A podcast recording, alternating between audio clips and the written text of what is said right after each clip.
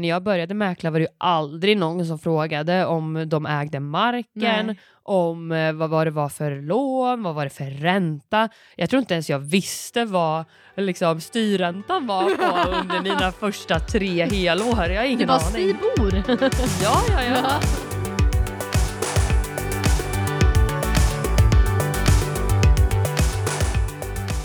Vi rullar. Vi rullar. Hej Ebba! Hej Linnea! Hej. Ny vecka, nytt avsnitt. Äntligen, jag har längtat. Ja, jag med. Och ja, men förra veckan blev ju en succé med Säljkollen. Eh, Ja. väldigt mycket och liksom informativt. Eh, Mm. och som vi sa då så tänkte vi ju ehm, ja, men vända på steken eh, och köra köpkollen. Ja. Vad ska man tänka på när man köper Bostad. bostad? Och Mm. idag kommer vi ja, men primärt fokusera på bostadsrätter för det är väl där vi är liksom specialiserade inom. Ja, jag har aldrig sålt en villa, så, äh, men jag har köpt en. Men, ja, nej, jag har aldrig heller sålt. köpt den så jag Nej. vet inte vem jag ska lura. Nej, Så Exakt. fake it till you make Nej, it. vi kör bostadsrätter. Vi kör bostadsrätter. Ja. ja. Eh, Linnea, i liksom ett, ett första skede, vad, vad ska man generellt sett tänka på när man ska köpa en bostadsrätt? Ja, men det är väl först väldigt basic, se till att du har pengar. Ja. Eh, antingen eh, djupa fickor eller att du har pratat med banken Mm. eh, så att du är ja, men helt klar att kunna Mm. börja buda. Eh, sen så tycker jag att det är bra att eh, ja, men, gå på lite visningar. Mm. Eh, sen har man ju träffat vissa som har sett 30 objekt innan man slår till. Mm. Eh, generellt av min erfarenhet så tycker jag att de som väntar för länge och är alldeles för ja, men, eh, eh, vad ska man säga, picky i början och är så inställda på att nu ska jag göra ett superklipp. Mm. Eh, I slutändan så tycker jag att det är de som kanske betalar lite mer än vad, än eh, vad den andra gjorde. Mm. Just för att man väntar in, in, in i det sista. Mm. Så det tycker jag väl att man ska vara, ja, men, veta vad man vill ha, Mm. men inte vara rädd för att agera. Nej, nej men faktiskt, och lite det som du säger med, tror jag att så här, det kan nog finnas ett stort värde i också att i- ganska tidigt in i processen ta en dialog med banken för att då mer definitivt kunna kolla, alltså veta exakt mer vad du kan kolla åt. Så att du inte tror på ett ungefär, ja, men jag kan köpa någonting för 5 miljoner, sen givet ränteläget idag säger banken 4,3. Så du kollar på allting runt 5 miljoner och sen så känner du att ah, men det är ingenting här som faller mig i smaken för att du har liksom visualiserat någonting annat. Precis. Ehm, sen tycker jag idag att många spekulanter är väldigt ja, men, duktiga på att gå igenom årsredovisning, Mm. man tittar hur ser skulderna ut, hur länge löper de, eh, alltså lånen. mm, Ehm, är det något som omförhandlas inom någon månad, mm, då vill man ju veta vad blir det för räntesats, vad har det varit innan, vad betyder det för avgiften? mm, Eh, men också viktigt idag är ju att jag tycker att alla ska ta höjd på att avgifterna kan komma att höjas med minst eh, ja, men 10 till 15 procent framöver mm. på grund av att många BRFer har ja, men inte gjort någonting med avgifterna på länge. Nej. Och givet då att allt har blivit dyrare så kan man inte um, utgå ifrån att det kommer vara oförändrat framöver heller. Så att vart man än är i Stockholm, var beredd på att det kan bli lite dyrare eh, och att man eh, gör sin kalkyl för det. Ja, verkligen. Och där tror väl jag med att så här, alltså jag har inte varit med om det, jag, det har jag pratat om i podden tidigare, men i en förening där man eh, höjde avgifterna med 45 procent från en dag till en annan. Den är saftig. Den är saftig. Eh, där så hade man ju gjort så att man hade dragit ut på det så länge som möjligt, Ja. vilket gjorde att det blev den här liksom hårda smällen. Så att så här, jag skulle vilja säga att gör man de här liksom lite mindre höjningarna, i min mening så ger det en känsla av att man liksom har en löpande kontroll på ekonomin också. Bättre trygghet. Det ger mer trygghet att du höjer 10% 2023 årsskiftet och sen kanske du höjer 10% till 2024 årsskiftet för att du bygger ju upp den här bufferten hela tiden som du Exakt. behöver med en höjning än att det kommer en smäll på 50% och då blir alla spekulanter rädda och så springer de därifrån. Verkligen. Ehm, men jag, jag tycker att många idag är pålästa om vad som gäller. Om Mm. en föreningsekonomi, kolla skuldsättning, äger de marken eller inte? Vilka renoveringar är gjorda? Mm. Ehm, det som jag tycker att många är, eller som gör fel, Mm. det är att man blir rädd om det är ett fönsterbyte på gång Mm. eller att det är ett stambyte inom ett till tre år. För att åh nej men det kommer vara så jobbigt att bo i. Men ja, eh, Anna, du kommer också få ett nytt badrum utan att behöva betala för det själv. Mm. Du kanske gör lite tillval för 20 till 40 000, Mm. men hellre det än att betala 350 från egen ficka. Exakt. Så att var smart. Eh, är det så att det är något stort på gång, det kan ju bara vara så att det gynnar dig på, på längre sikt. Så se långsiktigt är väl medskicket där också. Ja, men också alltså det, det det handlar om när, när man ska göra renoveringar i föreningen eller i fastigheten, det är ju också det att man gör det för att liksom, levnadsstandarden för de boende ska bli bättre. Så Exakt. att, ja, jag, jag vet själv, det är skitjobbigt att bo i ett pågående fönsterbyte. Har du kuper på alla fönster, det är som Ja, att du lever i, ja. ett bunker, i en bunker. Liksom. Jag Ja. been there, done that. Men å andra sidan, ja, det är bra mycket härligare att ha liksom fullt täta isolerade treglasfönster där det inte är liksom brusar igenom. Liksom. Ja. Så, så precis som du säger, man får ju någonting för det. Precis, så att Eh. långsiktigheten, glöm inte den. Nej. Eh, för det tror jag många förlorar Mm. för att man ser, man, man ser inte längre än vad näsan räcker. Nej. För att det är så mycket pengar, man, man är så rädd, gör jag rätt, gör jag fel? Mm. Men eh, försök se långsiktigt är väl en bra ja, men utgångspunkt där. Mm. Gällande budgivning då Ebba, vad skulle Mm. du säga är den bästa budtaktiken? Ja, alltså jag skulle säga att Förutom att beror- så bara betala mest såklart, så, Betala så mest, vinner du. Men eh, Den som vinner betalar jag mest. ja, Eh, nej men jag skulle säga att det beror lite grann på eh, marknad. Eh, någonting som, som jag upplever i, i den här marknaden, det har vi faktiskt pratat om tidigare. De här spekulanterna som väljer att avvakta och avvakta för länge. För att mm, nu i alla fall när det är liksom trögare led och det tar liksom det tar lite längre tid så blir det ju så att säljarnas förväntningar går ner lite grann och första person då som kommer och faktiskt lägger ett bud, säljaren är ju oftast beredd att ta liksom en intern dialog med de spekulanterna Precis. som faktiskt agerar och då tenderar det att gå jäkligt fort. Så att jag tycker per marknaden idag, där det kanske inte är de här löpande budgivningarna med fem, sex budgivare på samma sätt, där man kan liksom följa flödet på ett annat sätt. Som köpare idag så vet inte jag vilken dialog mäklaren har med de andra spekulanterna. Nej, mitt bästa tips är att agera. verkligen. Eh, Förstår du vad jag tänker? Verkligen, eh, för att ju, ju mer man väntar Mm. desto värre kan det bli för en, den som köper. Mm. Jag har ett klockrent exempel på det i våras. Det var en stor lägenhet Mm. med ja, men jättefin sjöutsikt och um, vi fick ett underbud på två miljoner. Alltså det grövsta underbudet jag någonsin har fått. Man bara, jaha vad ska jag göra med det här? Ja. Eh, men då hade jag en dialog med den spekulanten och sa det att ja, men, om du lägger den här nivån istället som Mm. fortfarande var ja, men, em, en miljon under utgångspriset Mm. eh, då tror jag att vi har möjlighet till att kunna få ihop någonting. Månaderna går, det händer ingenting, budet står fast, vi har flera, flera visningar, till slut hittar vi någon som budar och den går upp 600 000 därifrån. Mm. Men det är samma som la första underbudet på 2 miljoner som köper. Mm. Men hade han agerat snabbt, då hade han ju fått lägenheten för 600 000 lägre än vad han betalade. Mm. Det är ju omöjligt att veta, men verkligen medskick till de som ska köpa nu i närtid, Mm. att agera. Ja, och för det där är en grej också. Det behöver inte vara dåligt. Nej, det behöver inte alls vara dåligt. Eh, för det är också många som tänker att så här, ja, men, ehm, jag vill inte buda eller höja mitt eget bud förrän dess att jag vet att någon annan också är intresserad. Nej, men innan du gör ett bud eller lägger ett bud, gör din research. Exakt. Kolla på vad har liknande lägenheter gått för tidigare? Eh, vad har de som den här lägenheten har eh, eller inte har och, och vice versa.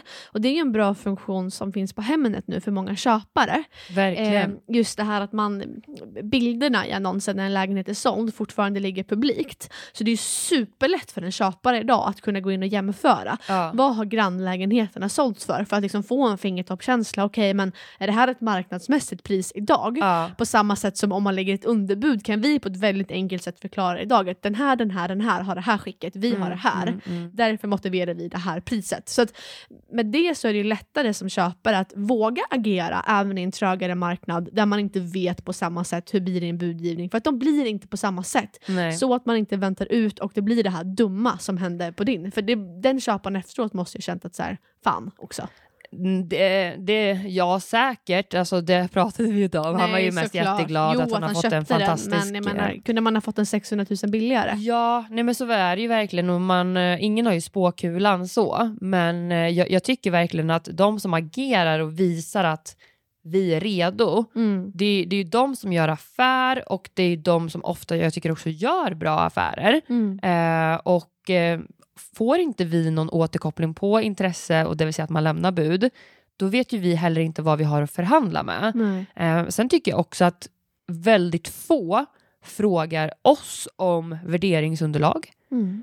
Det är ju superlätt för oss att ta ut att det här är vårt underlag för värderingen. Mm. Och då får ju de också ut de senaste referensförsäljningarna. Och hade någon spekulant frågat mig om det, jag hade skickat det på, ja, men på en minut. Så att Mm. det, det går verkligen snabbt. Och Mm. vi finns vårt jobb är ju att få ihop affären. Så visar någon framfötterna och säger att hej, vi skulle vilja ha underlaget för den här lägenheten. Hur har tidigare sett ut i skick?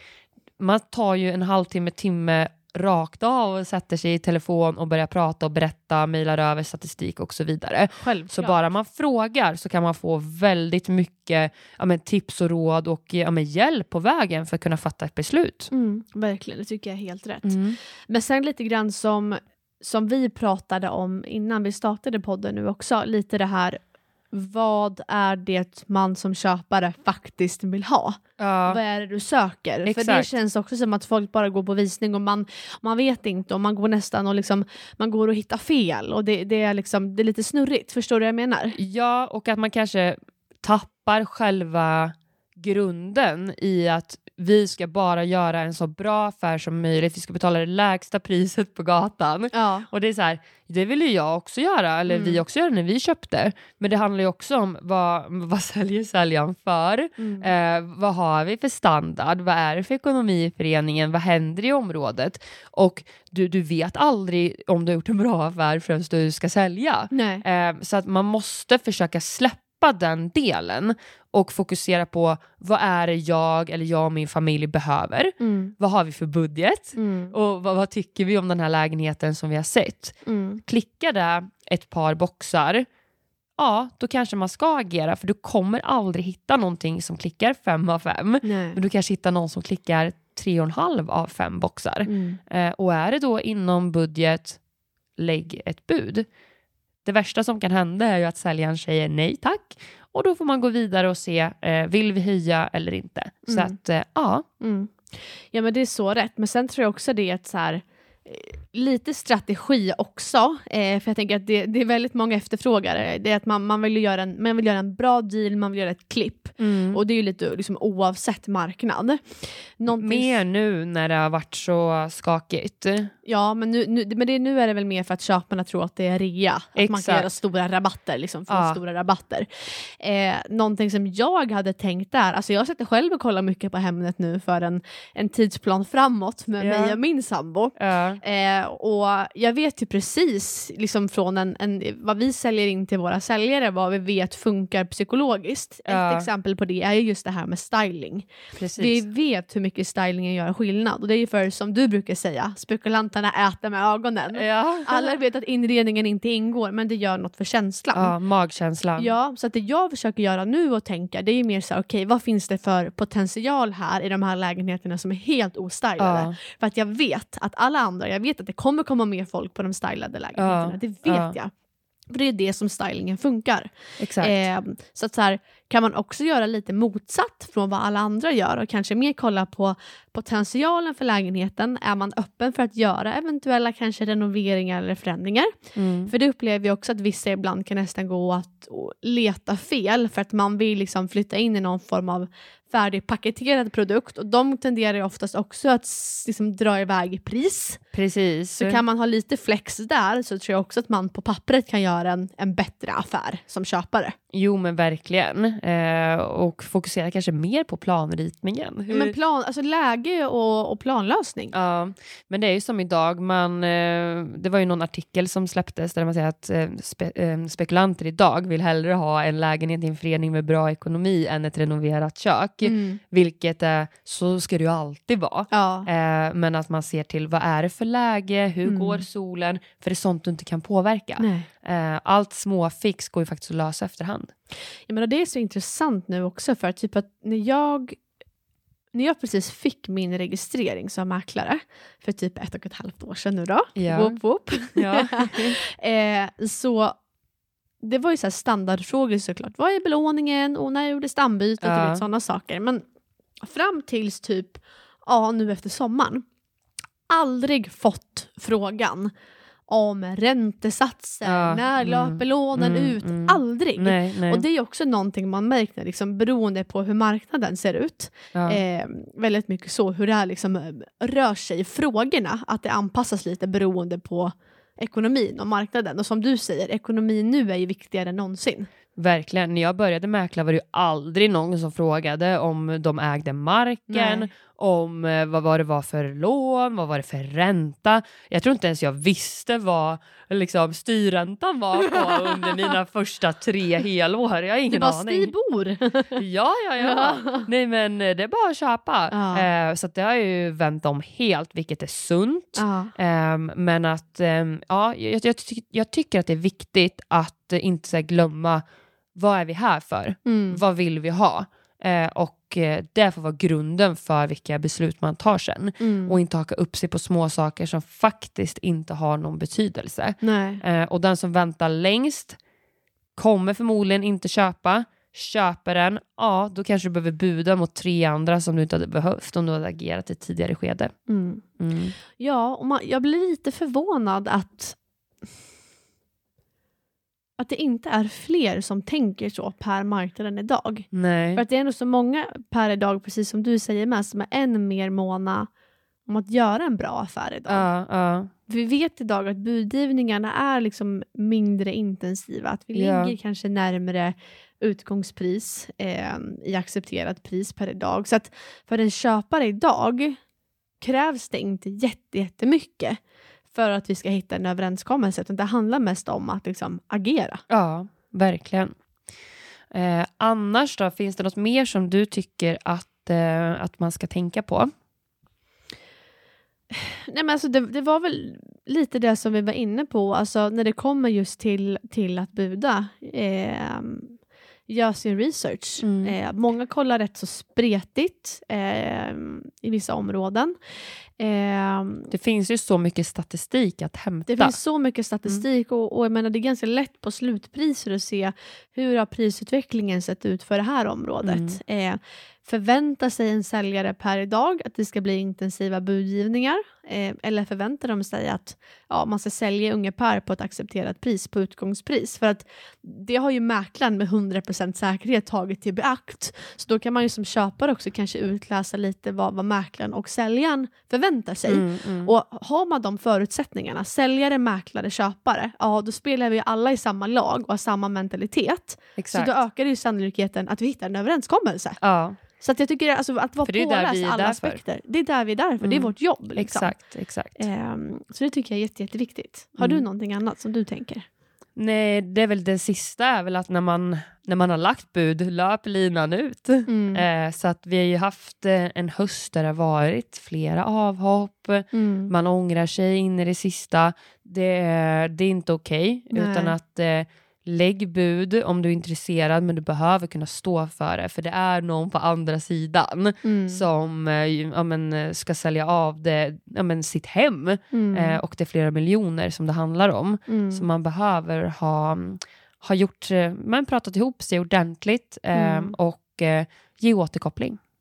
Men och det är väl det som är lite det här grejen också, att vissa ibland som kanske inte är förberedda, man har inte tänkt igenom allting, man budar och drar tillbaka och duttar Mm, alltså, du vet. Det blir rörigt. Det är rörigt och det mynnar ju ut lite grann i allting som vi har sagt idag. Mm. Inför att man börjar gå på visningar i ett specifikt område, prata med banken så att ni vet med säkerhet vad ni kan köpa för. Ja. Idag vill inte alla maxbelåna sig så att då Mm. den marginalen man har är jätteviktig. Gör din research i respektive område för att man vet att lägger man ett bud, mäklaren jobbar arslet av sig för att även prata med säljaren och hitta en överenskommelse. Så att det kan gå fort. Verkligen. Så att, som, på samma sätt som det är viktigt som säljare att förbereda sig mentalt så tycker jag att man ska göra det som, som köpare också. Ja, faktiskt. För att som sagt, det kan bli skarpt läge åt båda håll rätt så fort. precis. Och då går det snabbt. Då går det riktigt snabbt.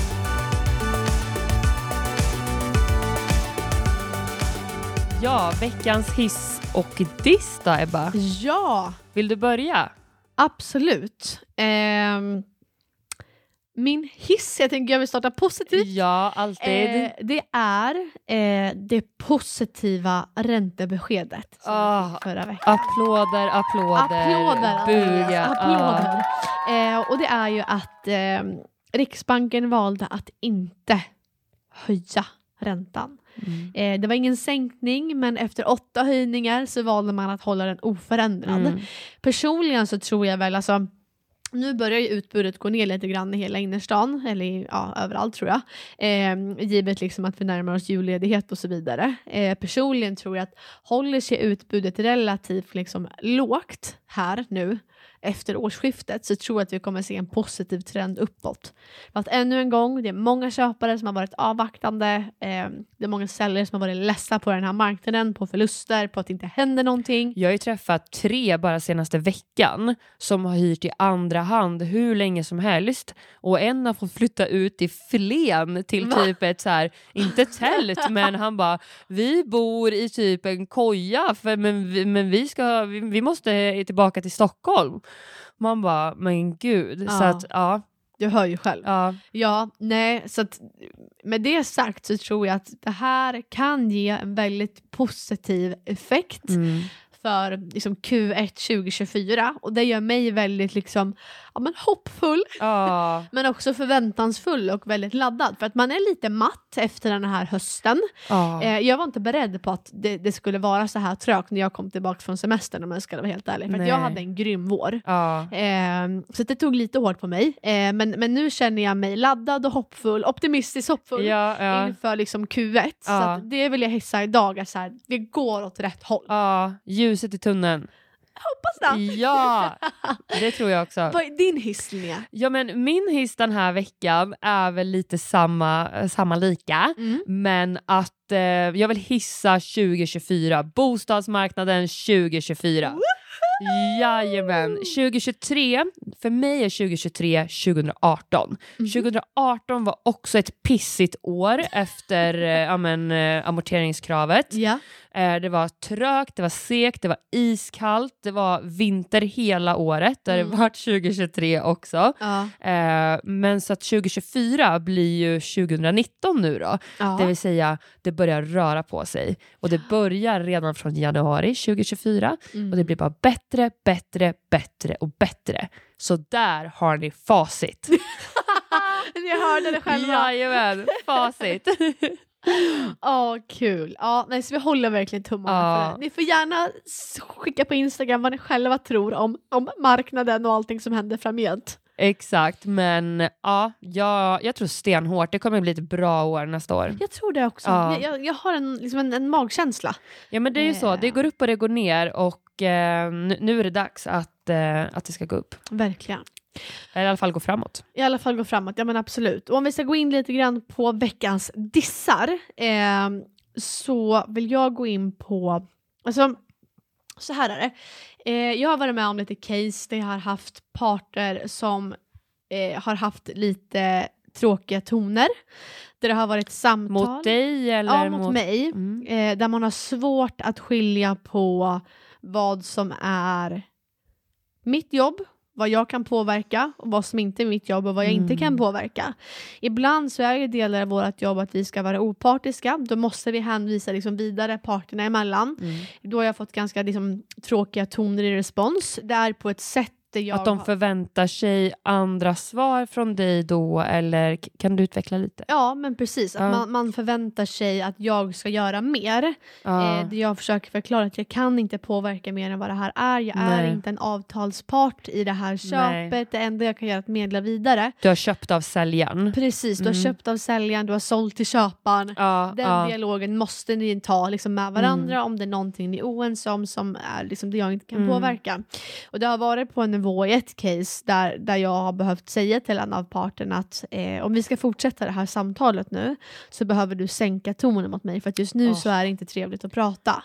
Eh, Nästan där- hotfullt eller? Ja men nästan, eller att det, liksom, det tas en ton. Jag menar från min sida så förväntas att jag ska vara på ett visst sätt, man ska Ah. vara professionell, du ska alltid vara tillgänglig. Men om du Alltid. ringer till mig och har en taskig ton 21.30 en helgdag, Nej. Du kan inte förvänta dig liksom den responsen av mig. Någonstans så handlar det om en ömsesidig respekt. Ja. Ehm, så det är väl kanske lite så här respekten liksom gentemot mäklare. Eh, Men ett, att ringa den. 21.30. Ja, Big no-no. ja. Två, att du då har en ton när du ringer Ja. mitt i natten. Så här, Hej småbarnsförälder. Nej men det är, så här, det är inte okej. Nej. Ta det till vilken annan bransch som helst. De Mm. hade ju sagt ja, jag kan prata med dig men det kostar 4 000 i minuten. Ja men eller hur. Eller du kan ringa mig imorgon klockan åtta. Exakt. kontorstid. Nej, alltså, jag har inget problem med tillgängligheten. Det är inget problem, man kan ringa mig när som helst. Men, men det är bara att jag, jag bemöter alla mina kunder alltid med bästa möjliga service som Ja. jag kan erbjuda. Alltid liksom respekt. Jag försöker alltid vara glad och trevlig. Mm. Även om det är en situation som uppstår, jag förväntar mig att mina kunder pratar tillbaka till mig på ett respektfullt och moget sätt. Mm. Eh, för att det, det är det jag förtjänar. Liksom. Ja. Och det gör alla mäklare. Ja. Så det är väl veckans diss. Ja. Eh, Så då blir man lite, lite sur eller lite ledsen. Eh, men det är, alltså, vi jobbar med människor så att det uppstår ju. Det och kommer det är mycket år. pengar. Ja, och det måste man också ha respekt för. Mm, mm. Ja, men det är några per år som, som kan bli så tyvärr. Mm. Ehm, och eh, man får bara ja, men, hänvisa vidare och Mm. eh, blir det för otrevligt, lägg på. Ja. Nej men det är bara svårt för att jag är väldigt van med att ha väldigt liksom glada säljare och köpare. Ehm, så att då om det uppstår en situation så, Mm. så blir det, det blir väldigt obekvämt för mig för att jag vet inte Mm. riktigt hur jag ska hantera situationen. Nej. Men det är ju jätteviktigt att kunna hantera alla typer av människor i alla lägen. Så att det är ju Ja. en bra lärdom. Ja. Men jag dissar kunder som har en tråkig ton. ja. Mm. Bra. Vad är din diss? Ja, men min diss ehm, går till branschkollegor. Haha. Nej. Mm. Nej, men eh, när man har varit på ett möte Mm. eh, och eh, man har vunnit mötet Mm. och sen då den mäklare som har förlorat mötet Mm. ska jaga kunden in i någon slags återvändsgränd med mejl, samtal, jag är bäst, jag är störst, jag är vackrast, Mm. hon är dålig, jag är bra. Det är så här, stick härifrån. Mm. Har du inte vunnit, har du förlorat mot mig, då har du förlorat. Mm. Precis som jag vinner inte allt jag går på, Men nästan. men nästan. Nej, ödmjuk och så vidare. Eh, men, men så att det blir en, en dålig stämning för Ja. kunden. Eh, så jag har ju ett case nu där de har sagt att eh, ja, men vi, ha, han är så jobbig och vi är så obekväma. Är det här normalt att man håller på så här? Mm. Och det, nej, det är inte normalt att hen håller på så här. Eh, men det är också någon som är erfaren, har jobbat länge. Det är så här, släpp det, Mm. gå vidare. Mm. Gå till ett annat område om det är jobbigt. Mm. Ja. Eh, Nej, men det eh, finns ju pengar för alla att hämta Exakt. Stockholm är stort. Ja. Eh, nej, men det här med att bara kunna släppa och gå vidare. Mm. Det, jag gör det alltid. Mm. Eh, och det tycker jag att alla som mäklar ska ta med sig. Att eh, ja, om om man ska se till det, är klart att man ska försöka. Men hur många gånger du har försökt har du vunnit tillbaka någon kund du har förlorat? Mm. Förmodligen ingen. Nej, och risken blir ju då att man liksom Får dåligt rykte. skjuter sig själv i foten genom Mm. att bli ökänd som en mäklare som snackar skit om sina branschkollegor. Exakt, och hela det kontoret har ju det ryktet om sig. Mm. Att de blir helt eh, galna när de förlorar. Ja, det är så. Ehm, och ehm, det är bara så här, det är bad will för dem, men det blir också jobbigt för mig när jag måste ja, men, hävda mig hela tiden i när man behöver besvara vissa saker som är helt orelevanta. Mm. Så att Mm. ja, man ska fokusera på sig och, sitt och, och sina kunder, inte mina kunder. Nej, verkligen. Och någonstans här, du blir anställd för att du ska sälja deras lägenhet för att de tror att du är bästa valet för det. Du ska inte behöva ha något liksom, försvarstal eller besvara några invändningar från att en annan mäklare försöker sätta käppar i hjulet för dig. Speciellt inte två månader efter eh, man redan har valt. konstigt. Ja, så att det blir min diss. Ja, men man kanske får vara lite mer ödmjuk till att förlora intag. För att också så här, in the end of the day, It's just a job. You win some, you lose some. Alltså det är samma för alla. Ja men verkligen och så här, jag vill ju bara jobba med dem som vill jobba med mig. Ja, och de vill ju Eh, jobba med dig. Det var ju ja. därför de valde dig. Exakt, så att eh, mm, Ja. det får väl avsluta veckans podd. ja, men du med det sagt, det var ett mycket prat, mycket info, mycket energi Ja. i det här avsnittet. Det är lite toppar och dalar. Eh, det är känslomässigt att jobba som mäklare. Vi tacklar kunder, det är branschkollegor, det är privatliv, det är affärer, det är allt. Men Det är räntebesked, det är krig, det är... Ja, det är var allt. ska vi börja, vart ska, vi sluta? Men det är också därför den här podden finns. Ja, Verkligen. Så Mm. att, tack för att ni har lyssnat. Så Tack så ses mycket. vi om två veckor igen. det gör vi. Ha det bäst. Ha det bra. Hej. Hej.